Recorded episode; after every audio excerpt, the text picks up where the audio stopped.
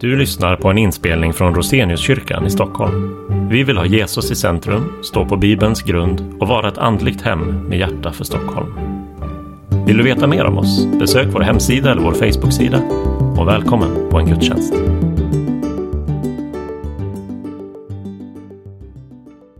Yes, tack så jättemycket. Tack för inbjudan. Yes, som eh, Martin eh, sa, mitt namn är Omid eh, och jag är ursprungligen från Iran. Jag är en före detta muslim, men jag har varit kristen nu i 13 år. Jag jobbar till vardags som gymnasielärare. Jag är egentligen utbildad gymnasielärare i matematik, fysik och biologi. Men för tillfället undervisar jag i gymnasiet bara i matematik. Men jag jobbar också deltid för Fackelbärarnas bibelskola i Holsbybrunn. Eh, så det är det jag ägnar mig vanligtvis åt. Men eh, som sagt, ikväll ska det inte handla om mig. idag Ikväll ska det handla om eh, islam och kristen tro. Martin bad mig att göra en jämförelse mellan våra olika trosuppfattningar och det är det det kommer handla om framförallt idag. Innan vi går in på skillnader mellan vad vi och muslimer tror på, bara en liten kort introduktion om islam. Islam är ju ja, världens näst största religion med ungefär 1,8 miljarder anhängare runt om i världen. Man brukar säga att landet med eh, flest muslimer är Indonesien. Eh, jag, eh, ja, på papper är det det, men om man åker till Indonesien så är de flesta muslimerna där, ah, de är såna här ah, muslimer som inte tar islam på så stort allvar eller, eller väldigt många, många tar faktiskt islam på stort allvar. De har till och med ett politiskt parti som försöker införa sharia-lagar som får många röster. Men eh, jag skulle vilja säga att det landet med flest muslimer är faktiskt Pakistan. Så där, eh, de är väldigt fromma muslimer oftast. Men eh, annars är det Nordafrika eh, och Mellanöstern som innehåller väldigt många muslimer. Här i Sverige har vi någonstans förmodligen runt 850 000 muslimer faktiskt. Ganska många. Av alla dessa muslimer så är ungefär 85% sunnimuslimer och 12,5 shia-muslimer. Så den versionen av islam jag kommer framförallt presentera för er är sunniversionen av islam. Det finns lite skiljaktigheter med shia-versionen, men det kommer vi inte gå in på. Och om man är en sunnimuslim, då tror man på två olika källor eh, för gudomlig uppenbarelse. Det första är Koranen Koranen är muslimernas heliga bok, består av 114 kapitel och dessa 114 kapitel kallas för suror. Så suror är alltså kapitel i Koranen. Ja, som ni vet, så om ni ser ordet sura så betyder det kapitel så småningom. Uh, Koranen var en bok som enligt muslimer gavs av ängeln Gabriel till Muhammed, prof eh, islams profet, under en 23-årsperiod. Och muslimer tror inte som kristna på att ja, men Bibeln den, den skrevs av människor som var inspirerade av den heliga anden. Utan muslimer tror att Muhammed ord för ord hamnade i en tillstånd av trans där han ord för ord fick de här, eh, eh, eh, äh, äh, den här Koranen från ängeln Gabriel. Och så småningom efter hans död så blev Koranen samlad av folk som lärde sig den utan till och skrev ner vissa saker. Men muslimer tror faktiskt inte bara på Koranen. Det är nämligen så att i Koranen står det att profeten Muhammed är mänsklighetens förebild i Sura 33, vers 21 av Koranen. Dessutom står det i Koranen upprepande gånger att mus muslimer måste också lyda Muhammed. Det finns bara ett problem. Koranen nämner Muhammed endast fyra gånger. Så om man vill veta hur Muhammed levde sitt liv, vad Muhammed gjorde, vad han sa, vad han lärde. Koranen är faktiskt inte alls eh, eh en bra källa till det. Så hur ska muslimer kunna helt enkelt lyda det här budet som finns i Koranen. Att förresten, det finns några platser här och där, så, så ni får jättegärna sätta er. Så hur ska muslimer kunna lyda Koranens bud att man ska härma Mohammed för att han är mänsklighetens förebild, eller man skulle göra det Mohammed sa att man ska göra, om inte Mohammeds eh, eh undervisning finns i Koranen? Jo, då vänder sig muslimerna till någonting som kallas hadifer. Hadifer är korta berättelser om saker Mohammed gjorde och sa. Och det finns stora hadifsamlingar. De tre mest kända hadifsamlingarna är Sahih Bukhari, Sahih Muslim och Sunan Abu Dawud. De här är alltså böcker som innehåller tusentals hadifer, korta berättelser om vad Mohammed gjorde och sa. Och de här hadiferna är också auktoritära för muslimer. Muslimer ska göra det som står i hadiferna. Så till exempel, eh, jag bodde ett tag i Göteborg, eh, eh en lång tid faktiskt, innan jag flyttade till Hållsbybrunn och jobbade som lärare där. Och eh, ett tag jobbade jag i en invandrartät eh, förort och vi hade eh, somaliska elever som eh, faktiskt eh, inte borstade tänderna med vanlig tandborste utan de använde en pinne. Vilket skapade kanske lite problem. Man undrar varför? Jo, men det står i hadifen att Mohammed borstade sina tänder med en pinne och man ska ju härma Mohammed i allt. Tror det eller ej, muslimer härmar Mohammed till och med i hur Mohammed gick på toaletten. Det är faktiskt sant, tror det eller ej. Åtminstone fromma muslimer gör det. För de här sakerna står i hadiferna. Så hadiferna är också jätteviktiga. Okej. Okay. Islam den uppkom i Saudiarabien år 6... Ja. Eh, nu, Mohammed han, blev inte, han fick inte sin första profetia år 622. Men eh, 622 det brukar man säga då islam uppkom.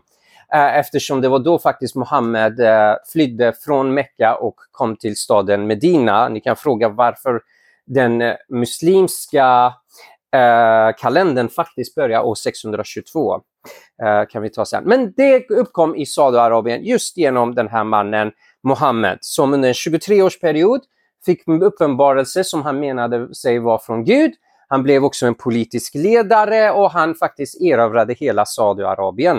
Uh, uh, um, han blev bara mäktigare och mäktigare tills han blev så mäktig att han erövrade hela Saudiarabien.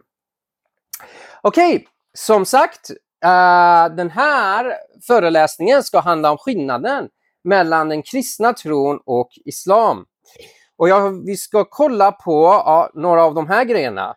Vi ska kolla på vad skillnaden mellan islam och den kristna tron är med avseende på frälsning, med avseende på Guds bild, med avseende på personen Jesus, med avseende på personen Muhammed och med avseende på Bibeln. Eh, jag ska vara helt ärlig, jag, mitt enda mål, mitt mål här är att bli klar innan klockan åtta. Ehm, det, det kan hända att vi inte hinner med någon av de här. Vi får se. Vi får se.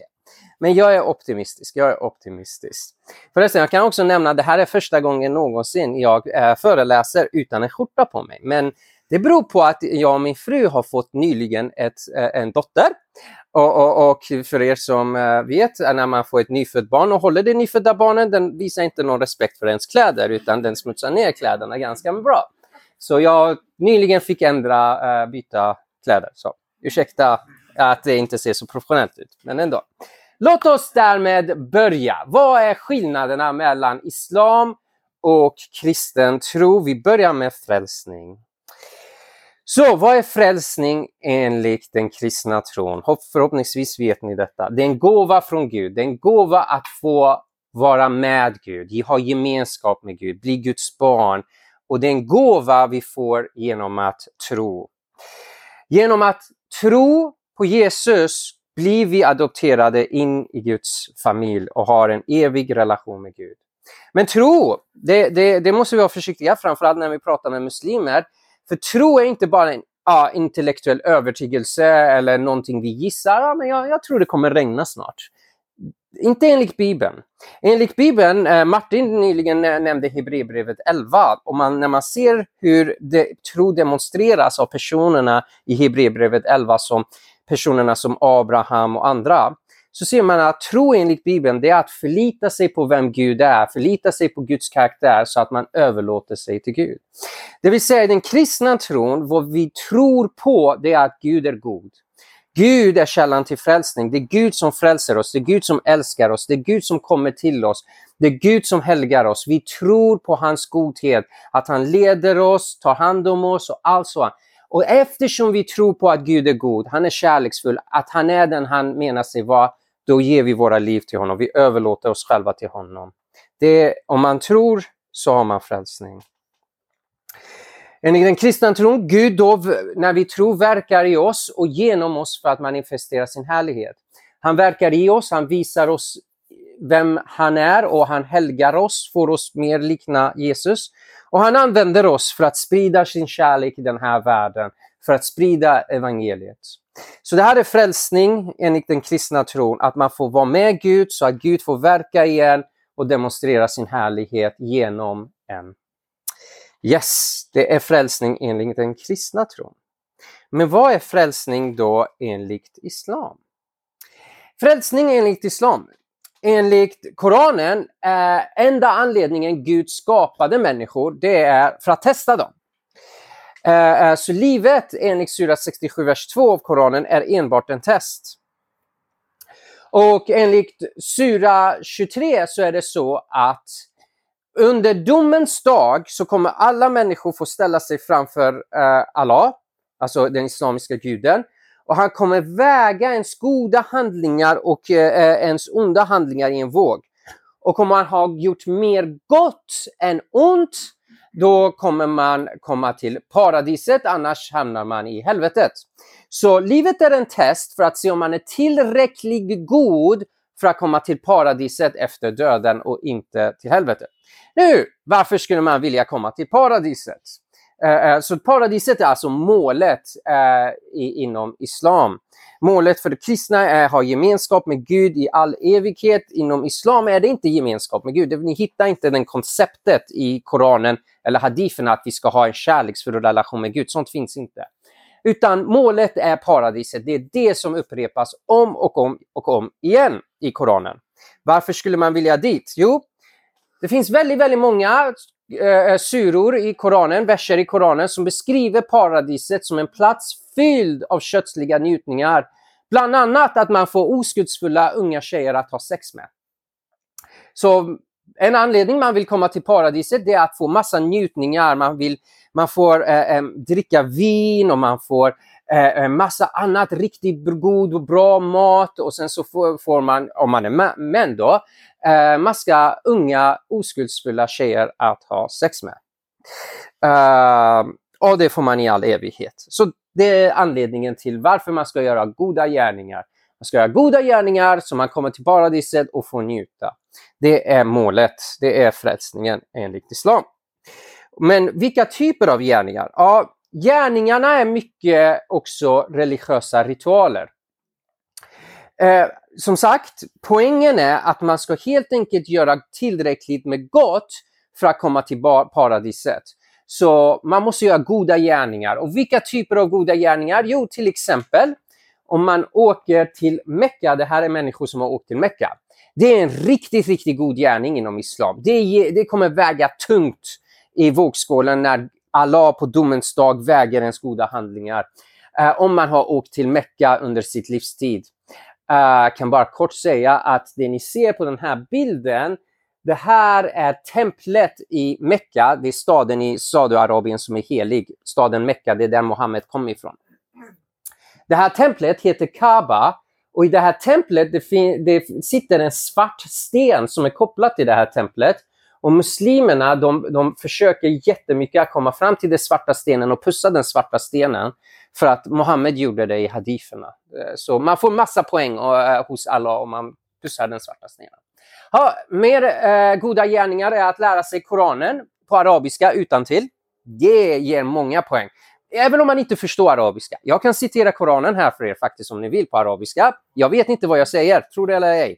Uh, uh, um, men jag kan göra det.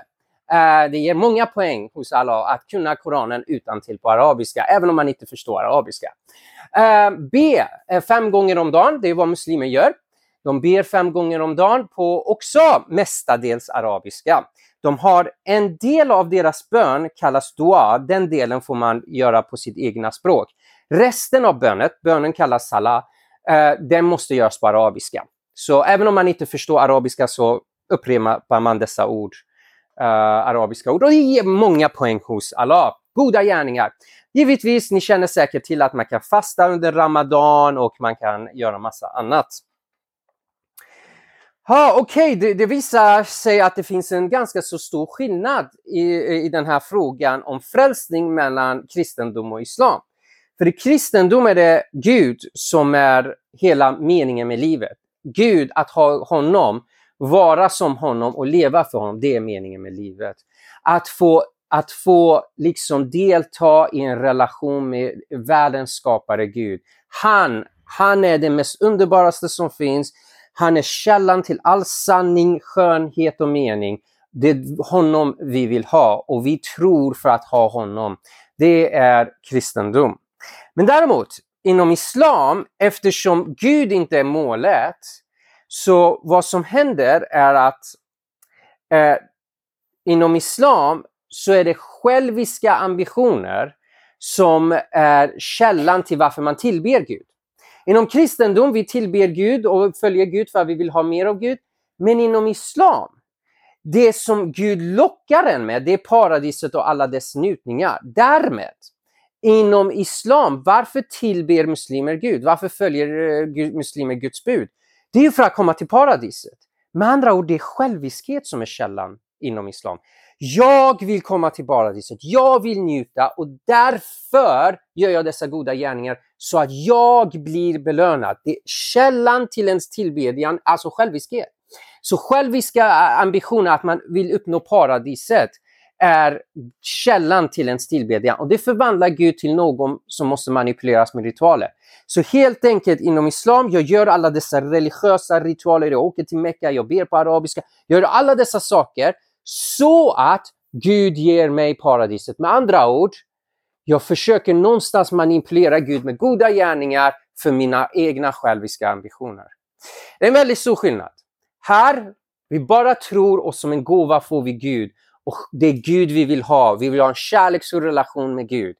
Inom Islam, nej, det är paradiset och därför själviska ambitioner blir källan till ens tillbedjan. Väldigt stor skillnad i det avseendet tycker jag. Ja, det var frälsning, det var första punkten. Låt oss kolla på skillnaden eh, vad gäller Gud. Och vi börjar eh, gudsbild då. Vi börjar med hur är gudsbilden enligt den kristna tron? Inom den kristna tron är Gud en kärleksfull relation mellan tre personer som gör allt i perfekt enhet. Det här är vad vi kallar treenigheten. Fadern, Sonen och den helige Anden har i all evighet haft en kärleksfull relation med varandra och gjort allting tillsammans i perfekt enhet. Uh, därmed, när Gud till exempel skapade världen, han skapade inte människor så att han kunde älska människor och få kärlek av människor. Gud hade redan perfekt kärlek i treenigheten. Han behövde inte skapa någonting för att ha kärlek. Men det är kärlekens natur att utvidga sig. Som till exempel jag och min fru, vi älskade varandra och vi har utvidgat vår kärlek nu genom att skaffa ett barn. Kärlek har som sin natur att den expanderar. Och Guds den hade kärlek i all evighet mellan Fadern, Sonen och den helige Anden. Och han expanderade det genom att skapa världen och människor och annat. Och det kristna livet är som sagt en kärleksfull relation med den här guden, som är tre personer. Det är att ha Gud som fader ovanför oss, som tar hand om oss, som vi kan lita på, som älskar oss. Uh, det är att ha Gud vid vår sida som sonen som leder oss in i sanningen så att vi inte blir förslavad av olika lögner som finns i den här världen. Och det är att ha Gud i oss genom den heliga anden som helgar oss och får oss att likna mer Jesus. Så det kristna livet handlar om att ha relation med de här tre personerna som tillsammans är den enda guden. Det är Gud enligt den kristna tron. Ja, förhoppningsvis kan ni alla det här redan.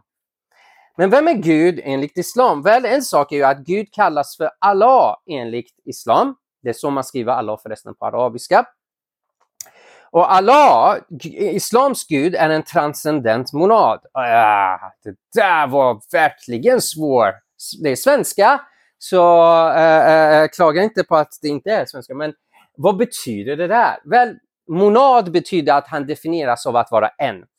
Eh, inom islam är Gud absolut en. Han är helt ensam, det finns inget som är lik honom, han har i sig själv ingen relation, han är en. Absolut ingen treenighet. Han är transcendent, det betyder ungefär han är bortom oss på något sätt. Det vill säga, som tidigare nämnt, det finns inte det här konceptet inom islam att man ska ha en kärleksfull relation med Gud. Han är inte personligt involverad i människors liv och man kan inte vara personligt eh, eh, involverad i honom heller.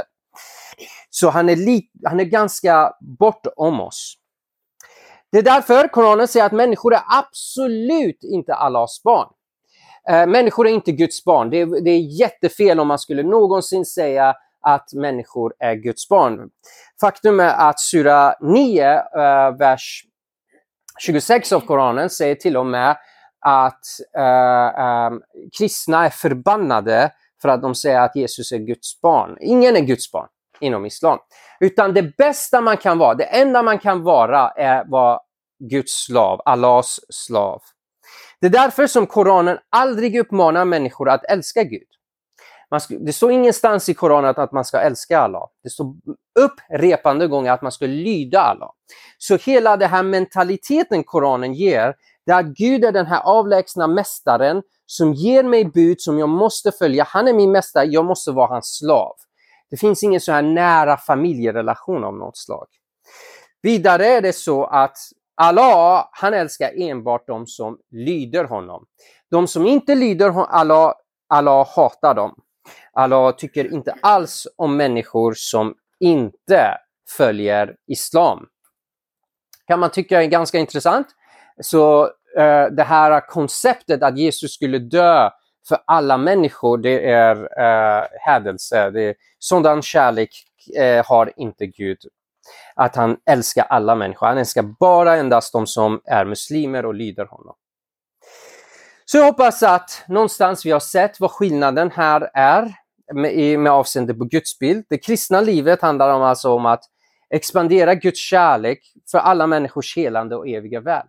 Genom eh, vår förståelse av vem Gud är, att Gud är tre personer och, och, och definieras av en kärleksfull relation, då inser vi att det bästa som finns är Gud och Gud är kärlek då vill vi vara människor som upplever Gud och expanderar hans kärlek så att andra människor får ta del av Guds kärlek för deras eviga väl, för deras frälsning, för deras helande och så vidare.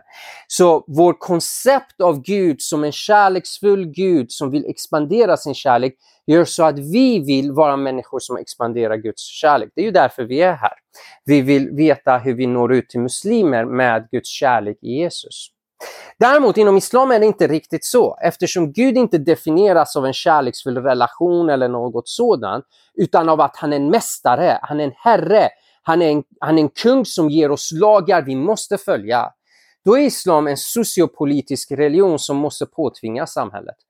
Det måste eh, Guds lagar måste tvingas på människor, eh, även om det skulle vara så att människor egentligen inte vill följa dessa lagar. Eh, islam måste ta över. Eh, eh, det, här konceptet av att kärlek och se människor och, och älska människor som även inte känner Gud och inte följer Gud, det finns inte inom islam. Islam är på det sättet, Gud är Herre, allt han säger, det måste följas. Och det är därför som islam blir ett, ett system som måste även påtvingas. Uh, nu kan man säga, men tänk, men vad, vad säger muslimer om till exempel det finns människor i muslimska samhällen som inte vill följa islam? Hur är det med dem? Väl, en sak man måste förstå är att Allah älskar inte icke-muslimer. Det står flera gånger i Koranen att Allah älskar inte människor som inte är muslimer. Och då är det så här att en muslim alltså hamnar i en väldigt intressant situation. För att om en muslim skulle älska en icke-muslim, då kan det antingen bero på två saker.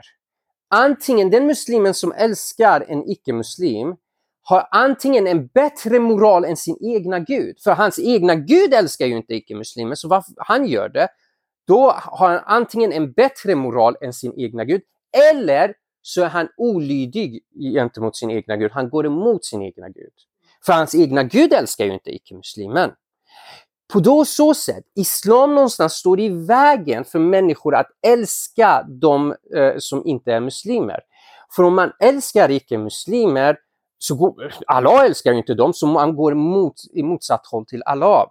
Faktum är att Koranen till och med beskriver icke-muslimer som orena, som oförtjänta av nåd, som uslast av allt skapat och som Guds fiende. Det finns inte ett, en, en enda beskrivning av icke-muslimer i Koranen som är ah, det här var faktiskt ganska bra. Uh, uh, så, utan Koranen upprepande gånger beskriver icke-muslimer på väldigt hemska sätt faktiskt. Eh, och då är det inte så konstigt att om muslimer har väldigt mycket makt, politisk makt och militärt makt, att de kan tänka ja, men då påtvingar vi islam och om människor inte följer, då kan vi antingen förfölja dem, avrätta dem eller vad som helst. Så kan det vara. Och det kommer faktiskt väldigt mycket från gudsbilden. Att man betraktar Gud, det, det absolut bästa som finns. Gud är ju det absolut bästa som finns. Men han, Gud, definieras inte av kärlek. Han definieras inte av självuppoffrande kärlek så som vår Gud gör. Vår Gud definieras ju av självuppoffrande kärlek. Jesus gav sitt liv på korset. Det visar vem Gud är. Wow, det bästa som finns är självuppoffrande kärlek, säger vi kristna. Men muslimer kan ju inte göra det. Deras Gud har aldrig offrat någonting. Så vad är det som definierar deras Gud? Det är att makt. Han är en och han är mäktig och han ger lagar. Och när man har den gudsbilden, det verkligen påverkar ens mentalitet väldigt mycket. Så att man blir xenofobisk, man skapar uh, gru uh, olika grupper i samhällen och har inga problem med att förtrycka vissa. Ha, det var alltså frälsning, det var Guds bild och det tredje jag tänkte gå igenom är Jesus. Vem är Jesus? Ja, det, det här är ju det här borde vara definitivt sådant alla kristna känner till, uh, vem Jesus är enligt den kristna tron, men jag tar det bara snabbt. Han är givetvis den utlovade Messias. Uh, vad menas med det? Det menas att han är Guds rikes eviga konung. Så som profetian i Andra Samuelsboken 7.14 säger. Att eh, eh, eh, Davids son kommer vara Guds rikes eviga konung. Um, det är inte det enda stället. Det finns till exempel Daniel kapitel 7 också som också säger att Messias är den eviga konungen i Guds rike och så vidare. Så det är det vi tror, att Jesus är Guds rikes eviga konung. Han är givetvis frälsaren, den som har övervunnit vår synd genom sin självuppoffrande kärlek. Han tog på sig vår synd, vår straff, så att vi kunde få nåd och försonas med Gud. Han är också Immanuel, Gud med oss. Jag säger inte mer om det, för jag antar att ni vet vem Jesus är enligt den kristna tron. Men vem är Jesus enligt islam då? Jesus inom islam, eh, hans namn är Isa ibn Maryam. Och det är faktiskt väldigt många som har undrat varför heter Jesus Isa i islam? För att Jesus arabiska namn blir inte Isa. Det blir typ eh, Yeshua eller någonting liknande. Varför heter Jesus Isa inom islam? Och det är ingen som vet svaret på detta. Det är ingen som vet varför han kallas Isa i Koranen. En hypotes, då, bara en hypotes, är att Muhammed, när han flydde från staden Mekka och kom till staden Medina, staden Medina drivdes av tre judiska stammar och de här tre judiska stammarna började samarbeta med Mohammed och Mohammed började ja, helt enkelt samarbeta med dem och blev eh, eh, goda vänner med de tre judiska stammarna. Åtminstone i början. Senare så faktiskt avrättade Mohammed alla i en av stammarna och kastade ut de två andra. Eh, det var när Mohammed fick mer makt. Men i början så var de bra vänner. Hur som helst. Det finns en hypotes att judarna tyckte inte om Jesus, så de gav Jesus det namnet på personen som Gud i Gamla Testamentet i boken Malaka ma, ma, ma, Malaki är det på svenska, Malaki. Jag tänkte Malakai, men det är ju engelska. Malaki, tack. Uh, den personen i boken Malaki som Gud säger att han hatar. Vem är det? Esau. Och det är tydligen Is det blir Isa så Jesus fick namnet Isa. Det är bara en hypotes. Så Mohammed, när han hörde att judarna refererade till Jesus som Isa, han trodde det är Jesus egentliga namn. Uh, och därför så står det i Koranen Isa. Men det är bara en hypotes. Vi, vi, det går inte att bevisa att det är så. Det är bara väldigt underligt. Men hur som helst. Hur, hur som helst. Jesus uh, uh, enligt islam, vem är han? Jo, han är givetvis Allahs tjänare och profet. Så han var en profet, han var absolut inte Guds son som sagt. Han var absolut inte Gud på något sätt. Han var en tjänare och profet. Han var född av en jungfru och utförde massa mirakler. Det gjorde han enligt eh, eh, Koranen. Enligt Koranen så tog Jesus till och med lera, andades in i leran och leran blev flygande fåglar, riktiga alltså levande fåglar. Uh, uh, och han uppväckte människor från döden och helade blinda och så vidare. Faktiskt, Koranen säger så. Han predikade islam, Jesus, så han predikade inte kristendom, bara så ni vet. Och han hade muslimska efterföljare. Som Jesus lärjungar var muslimer faktiskt. Han även profeterade att efter honom kommer Muhammed. Jesus säger i Koranen, efter mig kommer någon som heter Ahmed. Och Ahmed det är en titel på Muhammed. Så Jesus sa att efter mig kommer Muhammed. Vidare så dog Jesus aldrig på korset.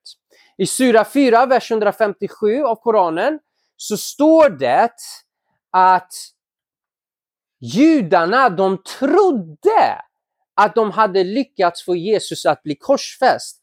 Men det var inte Jesus på korset, utan Allah bara fick det att se ut som om det var Jesus som dog på korset, när i själva verket det var inte han på korset.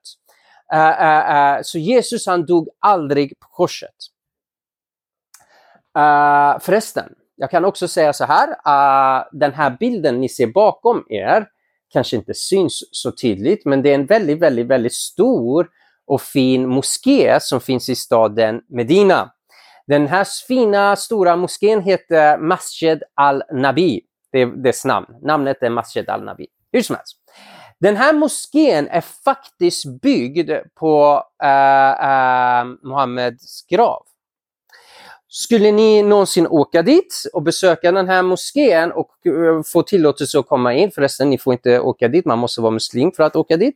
Men om ni någonsin skulle konvertera till islam och åka dit så är det så att det finns ett rum i den här moskén som heter um, ah, min svenska Green Doom. Uh, ja, den heter den gröna Green Doom. Vad blir det på svenska? Jag vet inte. Uh, uh, kupol, uh, gröna kupolen. Tack så jättemycket. Uh, gröna kupolen. Tack så jättemycket. Uh, och, och om ni hade kunnat titta in där, man, det är inte många som får dem, man får inte filma eller ta bilder. Men om man, man skulle få titta in där så är det så att man hade kunnat se Mohammeds grav. Och intill Mohammeds grav är det en tom grav faktiskt. Det är alltså ett hål i marken. Och man kan tänka, varför finns det ett hål i marken, en tom plats intill Mohammeds grav? Jo, så här är det. Enligt islam så kommer Jesus komma tillbaka innan domens dag. Han kommer starta ett krig, han kommer döda antikrist, han kommer döda grisar och han kommer förstöra korset. Han kommer gifta sig, han kommer ha barn och sen han kommer dö och han ska begravas in till Muhammed. Det är därför det finns en tom grav in till Muhammed här i den här eh, moskén. Ha, Okej okay då. Då ser vi att till och med när det kommer till personen Jesus, det finns en stor skillnad. Medan vi kristna tror att Jesus är källan till sanning, världens frälsning och evigt liv. Han är alltså källan till det här. Han är den som eh, visar verkligen i vem han är, vad sanning är. Han är källan till frälsning, att försonas med Gud, att undgå dom, att få nytt liv, att få på nytt födelse. Och han är källan till evigt liv, att alltid få vara med Gud. Det är vad vi kristna tror om Jesus. Vad tror muslimer om Jesus? Väl, egentligen, egentligen vad de tror om Jesus är det här. Nu, nu, ingen muslim skulle säga detta, men det här är egentligen vad de tror på. De tror att Jesus var historiens största misslyckande. Låt mig förklara vad jag menar.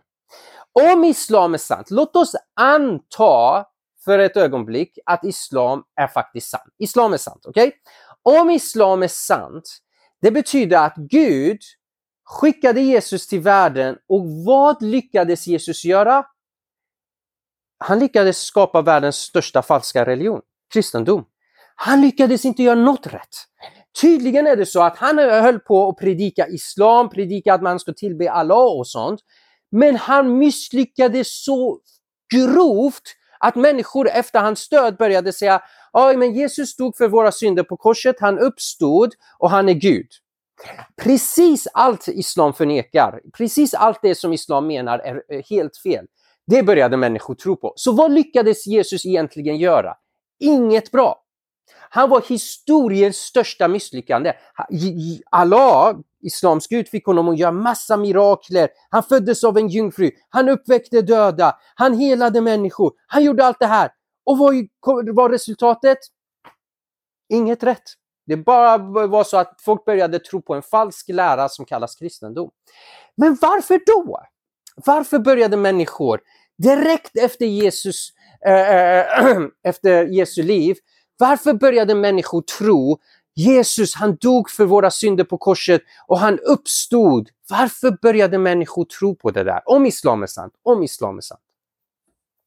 Jo, gå tillbaks till Koranen. Vad sa Koranen? I Sura 4, vers 157 sa Koranen att Allah, att de aldrig korsfäste Jesus, utan Allah fick det att se ut som om Jesus korsfästes fastän det inte var han på korset. Sura 4, vers 157. Aha! Så människor började tro att Jesus stod på korset för att Allah lurade dem. För Allah fick det, det, det att se ut som om Jesus stod på korset när det i själva verket inte var han. Så hela kristendom startade med Allahs lurendrejeri. Att Gud lurade människor att Jesus stod på korset när i själva verket det var inte han. Och människor lurades och kristendom startade av att människor tror att Jesus stod på korset för våra synder och uppstod. Så Allah lyckades eh, skapa världens största falska religion av misstag. Det, det, det här är helt absurt. Det är helt absurt, men det är den logiska konsekvensen av islams Jesus. Han lyckades inte göra något bra. Allah lurade människor att han dog på korset. Så människor gick och predikade att Jesus dog för våra synder på korset och han uppstod och hela kristendom startade. Ja, eh, eh, mm, vi går till nästa. Mohammed. Så vi har pratat om frälsning, om Guds bild, om Jesus och vem tror kristna att Mohammed är? Ska vara helt ärlig, det beror på vilka kristna man frågar. Uh, um, um, frågar man dagens påve så skulle han nog sagt väldigt positiva saker om Mohammed. Men uh, däremot, jag tror att jag utgår ifrån vad Bibeln säger och i första Johannes 2.2 säger att den som förnekar Fadern och Sonen har Antikrists ande. Mohammed förnekade att Gud är Fadern. Mohammed förnekade att Jesus är Sonen. Och därmed utifrån Bibeln så kan vi säga att han har Antikrists ande. Eh, eh, dessutom är det så här att när vi läser Bibeln om riktiga profeter och falska profeter, då får vi vissa, ja, Bibeln lär oss en del om falska profeter. Bland annat så eh, när vi läser Bibeln så ser vi när en person får besök av en ängel i Bibeln, vad är det första ängeln brukar säga till den personen? Har ni någonsin märkt, lagt märke Ja, var inte rädd, ja. Och det skapar en stämning av frid och sånt och personen som får det här besöket känner sig uppmanad att någonstans eh, proklamera Guds sanning eller någonting sånt. Hur var det med Mohammed? Jo, Mohammed, när han fick besök av ängeln Gabriel, då, då trodde han sig vara demonbesatt. De här uppenbarelserna han fick av ängeln Gabriel, de tog över honom. Han hamnade i en trans. Han, alltså han var besatt den här mannen. Och han blev självmordsbenägen. Han till och med sa till andra att han är demonbesatt. Eh, och det här, en, enligt bibliska kriterier, verkar vara mörka krafter som äger rum här.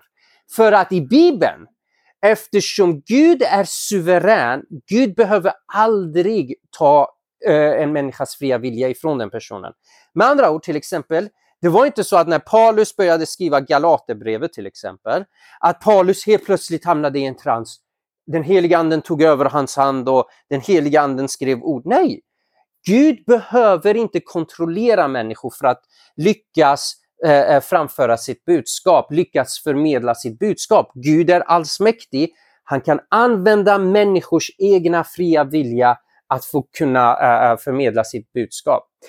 Men inte med Mohammed. Han blev alltså kontrollerad av en kraft. Han, hade, han miste kontroll över sig själv och det var en annan kraft, nämligen enligt muslimerna Gabriel, som tog över.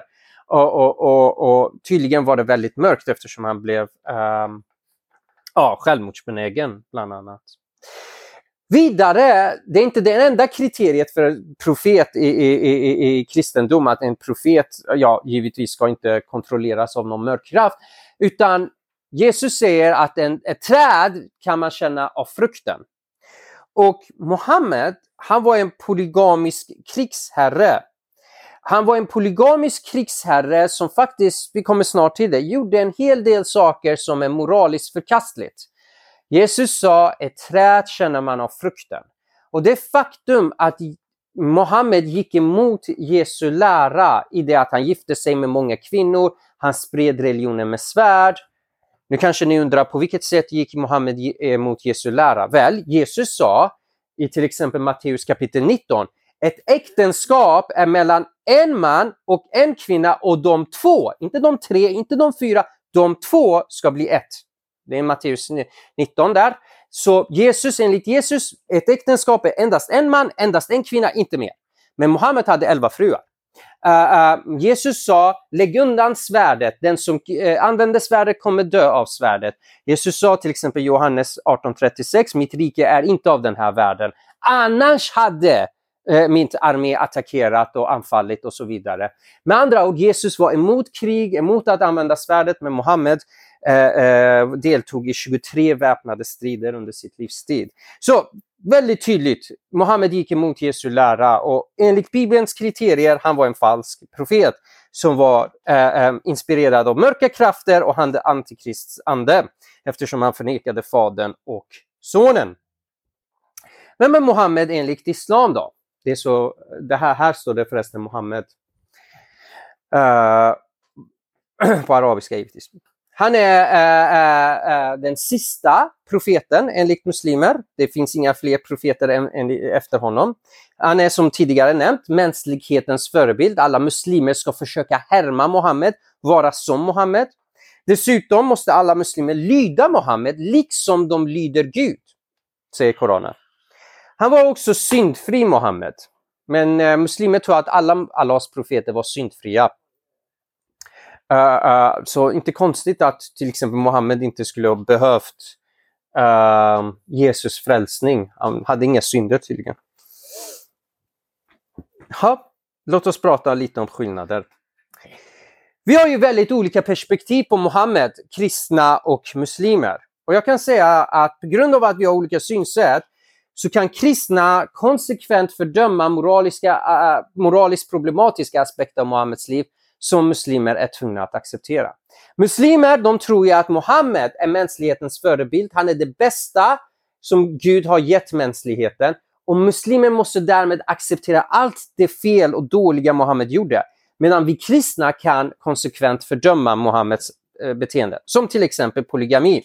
Som sagt, Muhammed hade elva fruar och Koranen lär ut att män får ha upp till fyra fruar. Intressant. Koranen säger man får ha upp till fyra, men han hade elva. Men jag vet inte hur det fungerar. Han har sidan privilegium, den mannen. Eh, men eh, i, all ärlighet, det här är, det här är ju faktiskt eh, även idag, trots att det är år 2023, ett stort problem i världen. Det är faktiskt många män som har fler än en fru. Och, och, och, och, jag kan tycka att det är extremt förnedrande. Jag, jag kan inte ens föreställa mig att min fru skulle någonsin acceptera att jag i vårt hem tar in en annan kvinna och hon måste stå ut med att jag har ja, en intim relation i ett annat rum med en annan kvinna i vårt hem. Hon måste bara stå ut med det. Det är fruktansvärt förnedrande egentligen. Eh, men, eh, och ni kan tänka er vilken syn det skapar på kvinnor. Eh, det är en sak vi kristna kan fördöma, muslimer måste acceptera. Ett annan, en annan sak är barnäktenskap. Mohammed, när han var 54 år gammal, så hade han sexuella relationer med en nioårig tjej som heter Aisha. Det är nämligen så att Mohammed, när han var 51, kom hem till sin bästa vän som heter Abu Bakr. Och han kom och sa till Abu Bakr att han hade en dröm. Han hade en dröm att Abu Bakrs sexåriga dotter var iklädd som en eh, bride. Brud.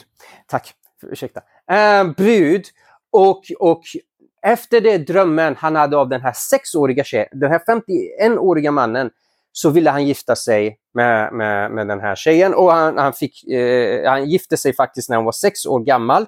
Men hon led av en viss sjukdom så han hade sexuella relationer med henne tre år senare när hon var nio år och han var 54 år. Och det här är något muslimer måste acceptera. Och det är så att eh, Koranen tillåter män att ha, ja, gifta sig med väldigt unga tjejer. Vi kan konsekvent säga att det där är förkastligt. Varför kan kristna säga att det är fel att gifta sig med en sexårig tjej eller eh, ha relation med en nioårig tjej och så när man är 54 år gammal? Jo, för att Bibeln säger, till exempel i Efesierbrevet 5, att, att ett äktenskap är att mannen älskar sin fru och de tillsammans lever ett liv som ett kött och så. Alltså det vill säga äktenskap är något heligt. Äktenskap är att relatera till, med varandra på ett sådant sätt, man lever ett liv, man stöttar varandra, man tjänar varandra och så vidare. Jag undrar ibland varför skulle en 54-årig vilja gifta sig med en 9-årig? Kan det vara, jag menar, de, de är inte på samma nivå. Alltså det är inte så att Mohammed när han hade en svår dag på jobbet gick hem och Aisha satt där och lyssnade på hans problem eller han lyssnade på henne eller något. Det är inte ens på samma nivå. Varför skulle man vilja göra det? Ja, annat än sexuell eh, tillfredsställelse, jag vet inte. Ja, eh, Koranen tillåter också män att slå sina fruar om det är nödvändigt. Eh, eh I sura 4, vers 34 står det att om en fru inte lyder sin man så har mannen faktiskt rätt att fysiskt slå henne. Mohammed själv gjorde det med Aisha. Han slog sin fru. Eh, och därmed så får inte muslimer, eh, Mohammed är ju mänsklighetens förebild, muslimer får inte fördöma eh, eh hustrumisshandel. Eh, medan vi kristna kan givetvis göra det. Eh, tillbaks till Efesierbrevet 5, att eh, män ska älska sina fruar som Jesus älskade kyrkan och Jesus gav sitt liv för den. Eh, eh och då givetvis slår man inte sin fru. Mohammed hade till och med eh, slav, slavar, kvinnliga slavar som han hade sex med. Och Koranen tillåter muslimer att ha sex med kvinnliga slavar i flera suror i Koranen. Muslimer måste acceptera det. Vi kristna kan titta på det där och säga Jesus säger i Matteus 5 att om du ens tittar på en annan kvinna med åtrå så begår du äktenskaps... Äh, äh, äh, brott. Tack! Du begår äktenskapsbrott. Eh, eh, eh, och du bör hellre ta ut dina ögon och vara blind än att göra något sådant. Men tydligen inom islam man får ha slaveri och sex med sina kvinnliga slavar. Vi kan väldigt konsekvent fördöma det. Man får våldta kvinnliga krigsbyten inom islam. Det är nämligen så att i dessa hadifer, de här hadiferna, så kan man läsa om hur Muhammed och hans armé attackerade en stad i, i Saudiarabien som heter Hunain. Och när de attackerade den här staden Hunain så att, var det en ett plötsligt attack. De blev överraskade i den här staden när Mohammed attackerade, så de kunde lätt ta över staden. Och när de tog över staden så äh, kom några muslimer, muslimska soldater fram till Mohammed och frågade Mohammed, Mohammed, har vi rätt att ha sex med de här äh, kvinnliga krigsbyten vi har, trots att deras män är fortfarande vid liv? Vi har tagit deras män till fånga. De är fortfarande lever. Kan vi ha sexuella relationer med de här kvinnorna. Mohammed uppenbarade då sura 4, vers 24 som säger ja, man får faktiskt ha äh, sexuella relationer med kvinnliga krigsbyten. Jag tror inte kvinnorna var med på det, men äh, Mohammed tillät det och nu måste muslimerna acceptera det. Han är ju ändå mänsklighetens förebild. Och som sagt, eh, genom hela Koranen kan man läsa, eh, förlåt mig, hadiferna, kan man läsa att Mohammed ägde slavar.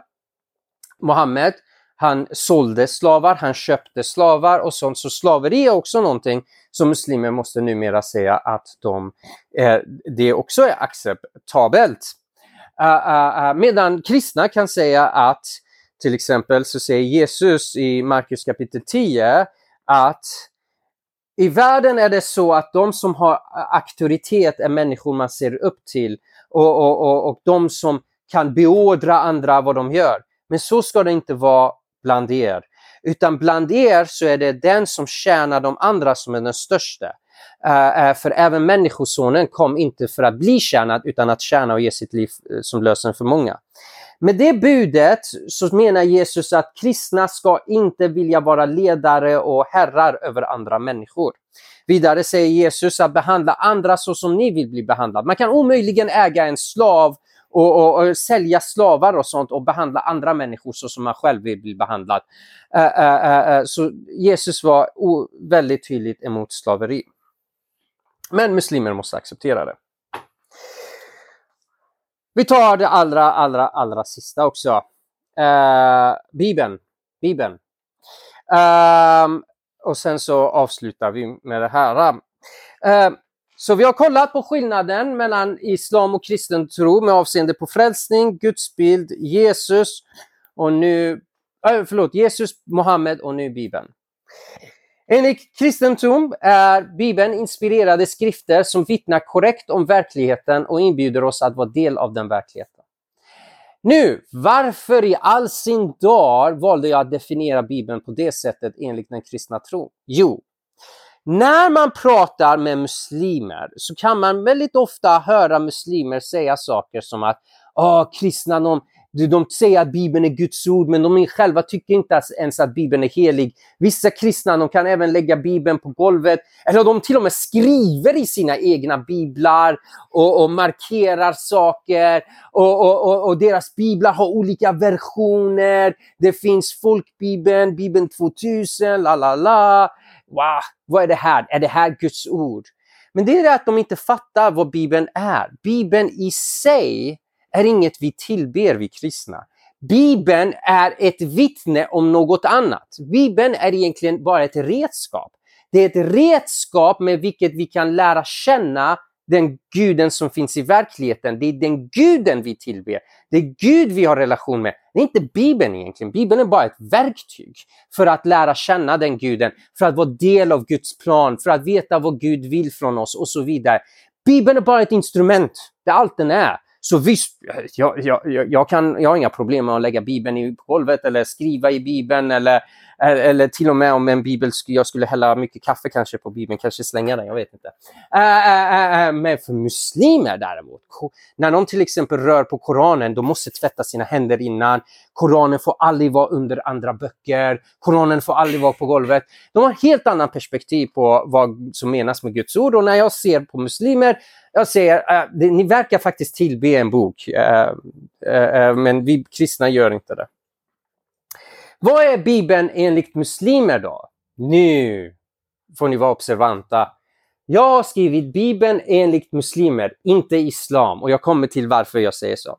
Om man pratar med muslimer så menar de, ja, Bibeln som till exempel evangeliet, evangeliet om Jesus liv, ursprungligen uppenbarades det av Gud. Det var Gud som gav Moseböckerna, Toran alltså, det var Gud som gav Davids psalmer, det var Gud som gav evangeliet, alltså om Jesus liv.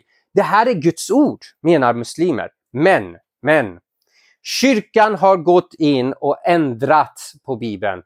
Till exempel i kyrkomötet i Nicea så var det så att biskoparna där bestämde sig för att ändra på Bibeln. Så de gick in och ändrade på evangeliet och nu när man läser Bibeln idag, det är inte vad Gud ursprungligen uppenbarade.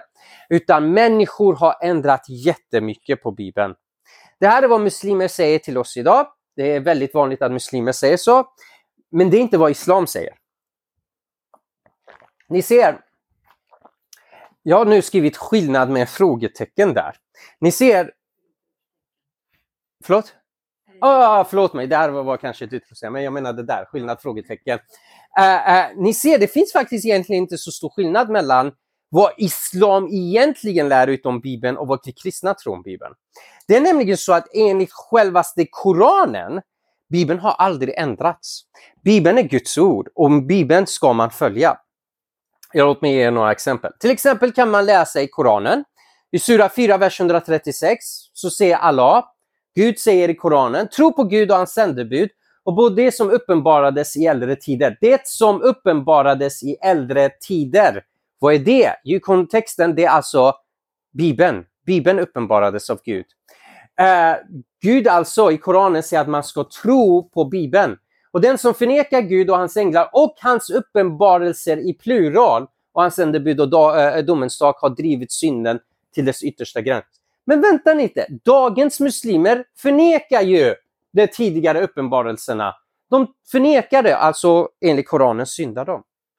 Sura 5, vers 47 av Koranen säger Låt därför de som följer evangeliet döma i enlighet med vad Gud där har uppenbarat. Vänta lite. Låt de som följer evangeliet döma i enlighet med evangeliet. Uh, om evangeliet är förvanskat, om evangeliet har ändrats av människor, om människor har förstört evangeliet, varför säger Gud i Koranen att man ska följa evangeliet? Att man ska döma i enlighet med evangeliet? Uh, uh, det är för att Gud i, i Koranen, Koranen säger inte att evangeliet har ändrats, den menar att evangeliet är så pass trovärdig att man kan döma i enlighet med evangeliet.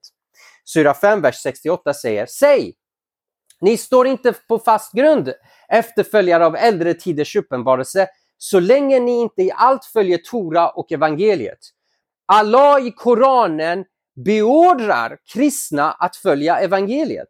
Vi är ju efterföljare av äldre tiders uppenbarelser. Vi ska följa evangeliet. Om evangeliet har ändrats av människor, varför ber du oss alla att följa evangeliet? Enligt Koranen har inte evangeliet förändrats. Uh, uh, ingenstans i Koranen står det att evangeliet har förändrats. Det här är något muslimer idag säger bara. Sura 29, vers 46. Allah beordrar muslimer att säga, Allah beordrar muslimer att säga i den här versen, vi, eh, till oss kristna förresten, till, till oss kristna, vi tror på det som har uppenbarats för oss och det som har uppenbarats för er. I Koranen så beordrar Allah muslimer att säga till oss kristna att de tror på våra skrifter. Men muslimer gör inte det eh, eh, idag. Dessutom säger Koranen att ingen kan ändra Allahs ord. Om nu evangeliet och Toran och så vidare är Allahs ord och ingen kan ändra Allahs ord, så betyder det att ingen kan ha ändrat evangeliet och Toran. Som andra ord, muslimer måste gå emot sin egna religion för att kunna kritisera Bibeln. Jag tänkte säga en sak, men vi låter det vara. Okej, okay, jag bara tänker snabbt avsluta. Lite tips när man möter muslimer. Uh, bara. Uh, uh, vi avslutar med bara lite grann tips när vi möter muslimer. det är så att när man möter muslimer så är det så att oftast troende muslimer, de tar Gud på stort allvar. De tycker att Gud är givetvis helig, Gud är viktig. Men många av dem har ett perspektiv att kristna inte tycker att Gud är viktig. Jag menar, kolla på kristna, kolla på hur de klär sig, hur de pratar, hur, hur lite de ber. De bara går till kyrkan på söndag. Gud är inte så viktig för kristna. Därför, en sak vi kan göra när vi träffar muslimer är att betona faktiskt Gud är viktig för oss. Det är faktiskt bra att införa Gud i vardagliga tal med muslimer. Att till exempel se, prata om, om man pratar om någonting, säga ja men jag litar på Gud med den saken och, och, och bara visa att Gud är viktig för oss. Givetvis, vi ska visa intresse att lära känna personen vi pratar med.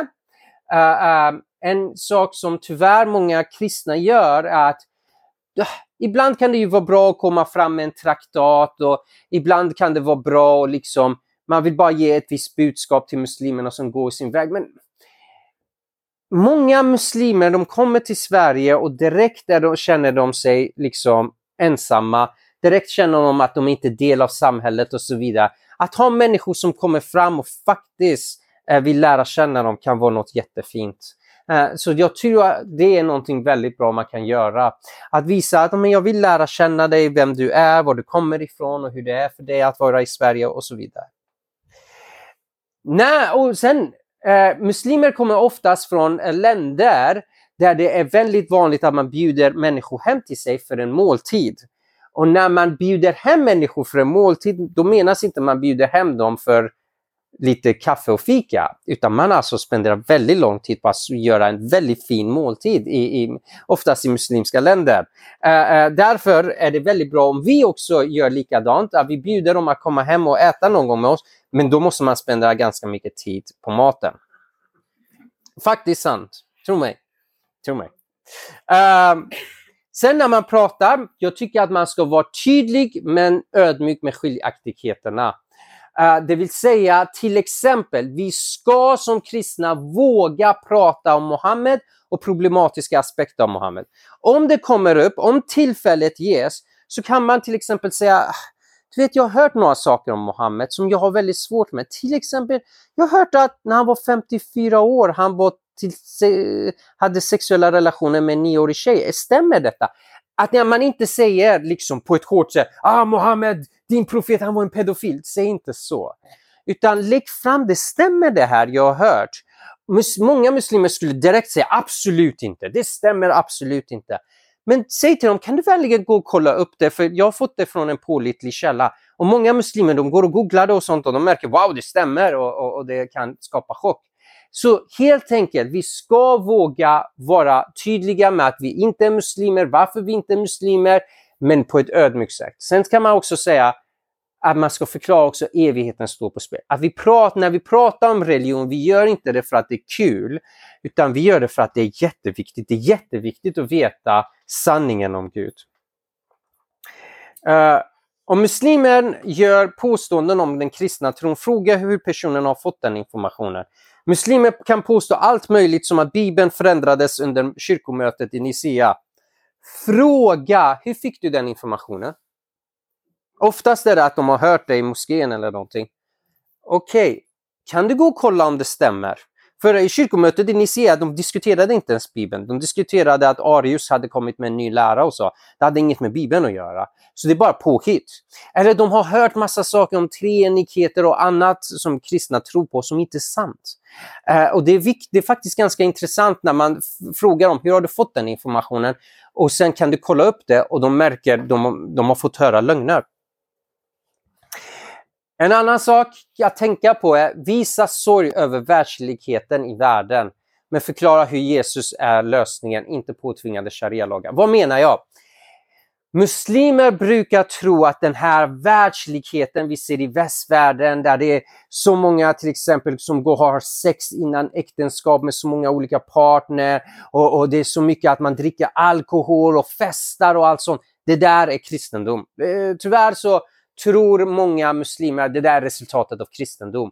Det är bra att säga att man känner mycket sorg över sådant, att vi kristna inte alls är på det sättet. Men vi tror inte att lösningen är att tvinga människor eh, med genom lagar att inte bete sig på ett sätt. Lösningen är att ändra deras hjärtan och det kommer genom Jesu kärlek. Ja, ursäkta, jag gick fem minuter över tid märker jag här. Men eh, jag, jag, jag, antar att ni är kristna och kan eh, förlåta. Eh, men men jag, jag stannar där. Tack så jättemycket. Tack.